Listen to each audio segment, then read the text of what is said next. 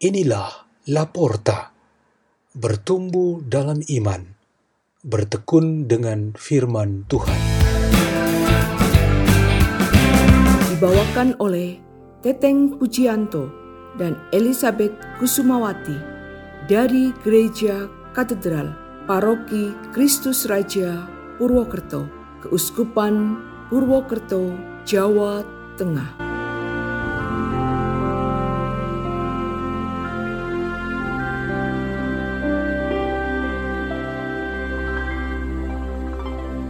Bacaan dan Renungan Sabda Tuhan Hari Jumat dalam Oktav Paskah 9 April 2021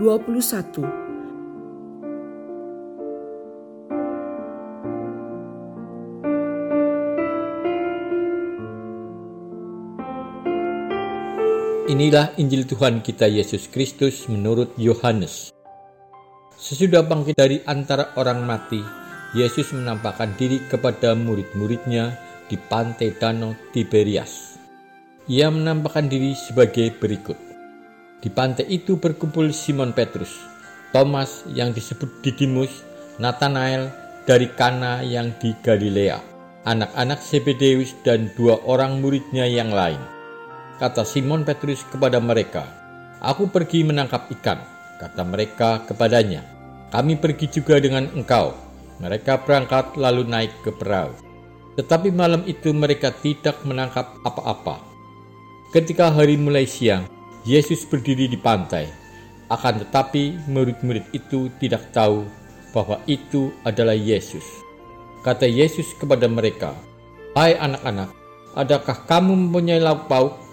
Jawab mereka, tidak ada. Maka kata Yesus kepada mereka, Tebarkanlah jalamu di sebelah kanan perahu, maka akan kamu peroleh. Lalu mereka menebarkannya, dan mereka tidak dapat menariknya lagi karena banyaknya ikan. Maka murid yang dikasih Yesus berkata kepada Petrus, "Itu Tuhan."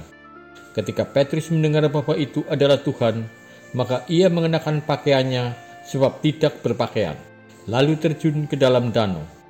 Murid-murid yang lain datang dengan perahu karena mereka tidak jauh dari darat hanya kira-kira 200 hasta saja, dan mereka menghela jala yang penuh ikan itu. Ketika tiba di darat, mereka melihat api arang, dan di atasnya ada ikan-ikan serta roti. Kata Yesus kepada mereka, Bawalah beberapa ikan yang baru kamu angkat itu. Simon Petrus naik ke perahu, lalu menghela jala itu ke darat, penuh ikan-ikan besar 153 ekor banyaknya dan sungguh pun sebanyak itu ikannya jala tidak koyak. Kata Yesus kepada mereka, Marilah dan sarapanlah.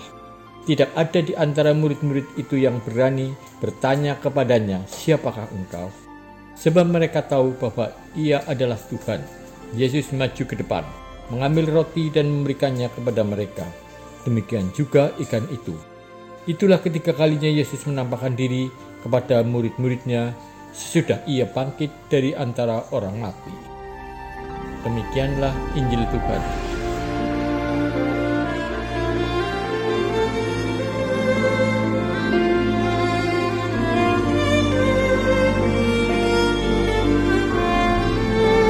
Renungan kita pada hari ini bertema dalam nama Yesus Kristus. Damai Paskah terus diwartakan dan dikobarkan pewartaan Injil Yesus Kristus yang bangkit terus menuai buah-buah. Bingkisan atau paket damai itu bukan sekedar kata-kata indah yang bisa saja kosong, tetapi berisi pribadi Yesus Kristus yang bangkit.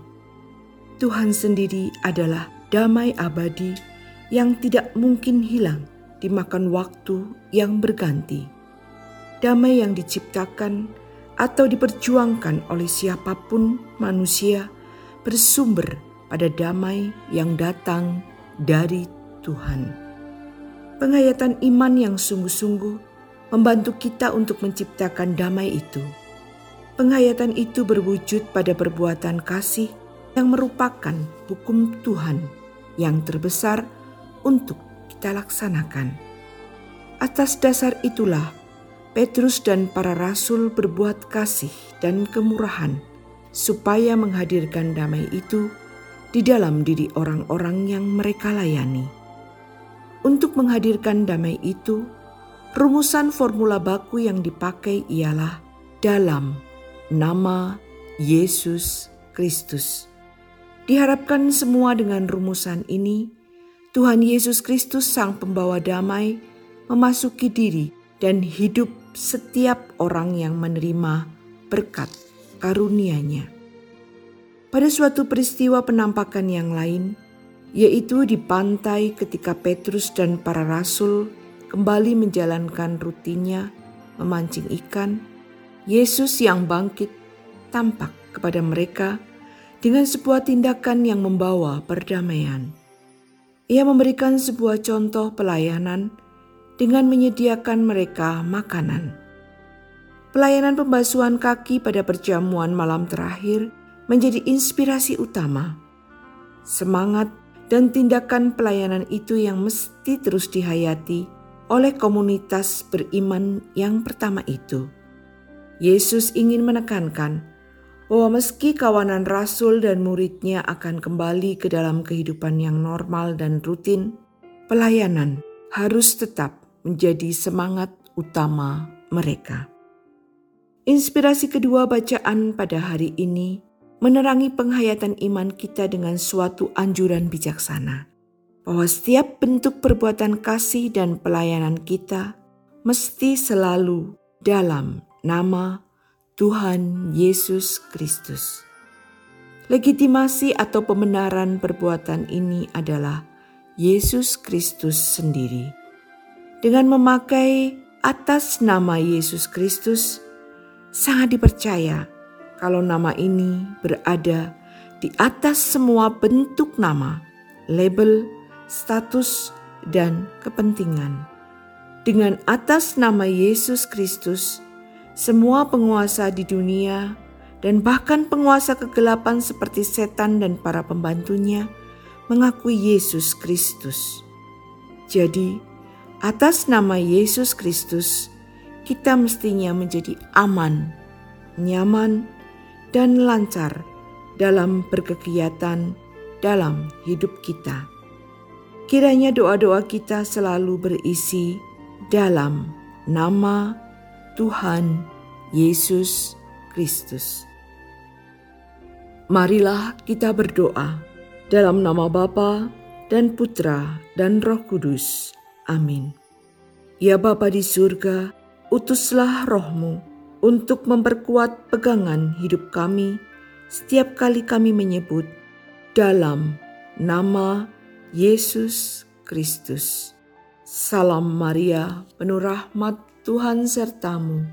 Terpujilah engkau di antara wanita, dan terpujilah buah tubuhmu Yesus.